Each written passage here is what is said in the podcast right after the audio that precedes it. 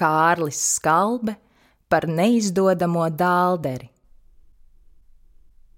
Kāds bagāts tirgotājs gulēja slims. Viņš bija jau tuvu pie gala. Sešas dienas un naktis viņš nebija aizdarījis acu, un tikai pulkstenis, kurš sēri nozvanīja stundas, viņam atgādināja, ka ir laiks, un nav tikai mūžība vien kā viņā saulē.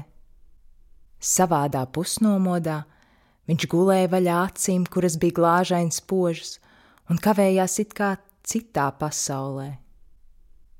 O, viņam nemaz nebija garlaicīgi, viņam bija pašam savs teātris.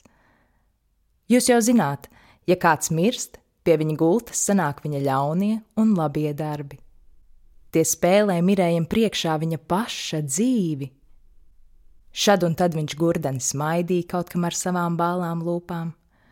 Brīžiem viņa seja savilkās sāpēs, un no viņa acu kaktiņiem sūcās asaras. Labie darbi, tie sēdēja gar sienām kā meitenes lauku baznīcā, gaišām sejām, kurās it kā atspīdēs veču spožums. Zeltītas dziesmu grāmatiņas viņām bija rokās. Kad viņš paskatījās uz labajiem darbiem, atskanēja salda dziedāšana, un viņš bija gatavs mirt. Labie darbi jau gribēja viņu aizvadīt, bet ļaunie darbi nelaida vaļā. Draugs, kuru viņš bija ievainojis, gāja viņam garām ar sarkanu rētu skrūtīm. Meitene, kuru viņš bija atstājis, kavējās pie viņa gultas, it kā gribēdam viņam kaut ko sūdzēt vai prasīt. Viņa skatījās viņā skumīgi un pārmetoši, viņas lūpas kustējās, bet viņa kā likās, nevarēja atrast vārdu. Tas viss mirēju spieda acis vaļā turēt un it kā vēl kaut ko gaidīt. Beidzot viņš tomēr apmulsa un iemiga. Sapnī redz, viņš iet taisni uz debesu vārtiem, vārdsargs priekšā, kur iešot? Kā, vai tad tu neredzi? Vai tad tu nezini, ka es mirstu? Ko nu izliecies? Laid vien iekšā, vai tad tu manis nepazīsti? Kā nu es tevis nepazīstu? Tu esi tas bagātais tirgotājs no lielās ielas.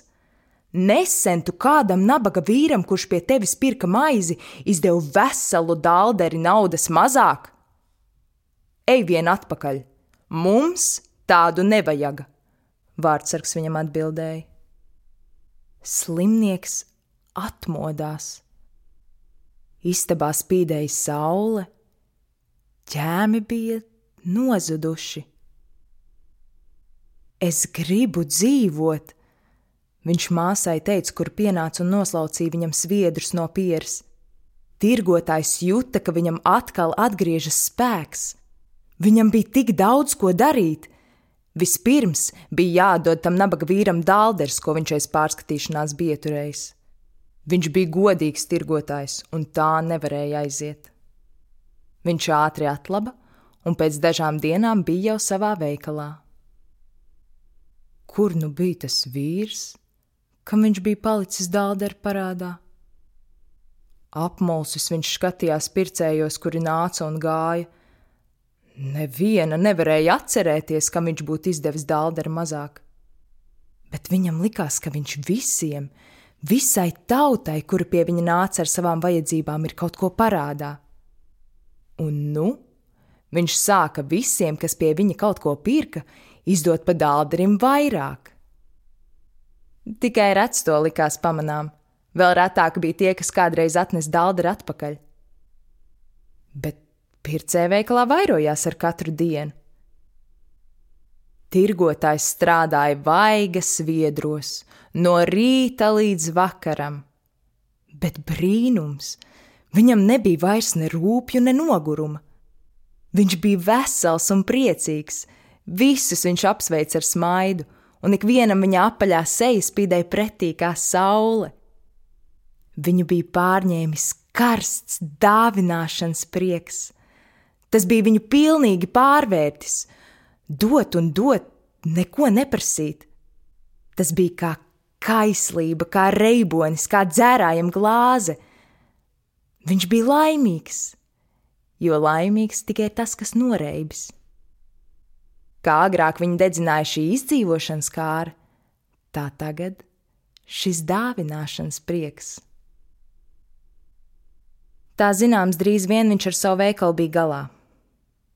Kādā vakarā no kara pārnākdams, pie viņa iegriezās vienrocis zaldāts. Tam viņš deva pēdējo dālderi. Pēc tam viņš iemiga laimīgi, iztukšojies un tomēr bagāts. No rīta pa ieradumam viņš iegāja veikalā, staigāja gar tukšiem plauktiem, nezinādams, ko iesākt, un izklaidīgi izvilka atvilktni. Tavu brīnumu lādes dibenā spīdēja dālderis, dālderis, ko viņš vakar bija izdevis. Viņš sāka tirgoties no jauna, bet cik viņš arī negribēja izdot pēdējo dālderi, tas atgriezās atpakaļ lādē, jo tas bija brīnuma dālderis neizmaināms un neizdodams kā viņa paša sirds. Drīz vien tirgotājs atkal bija bagāts. Viņa lādes pildījās ar dārgām mantām, viņa kuģi gāja pa visām jūrām un tālu pasaulē iznēsāja viņa slavu.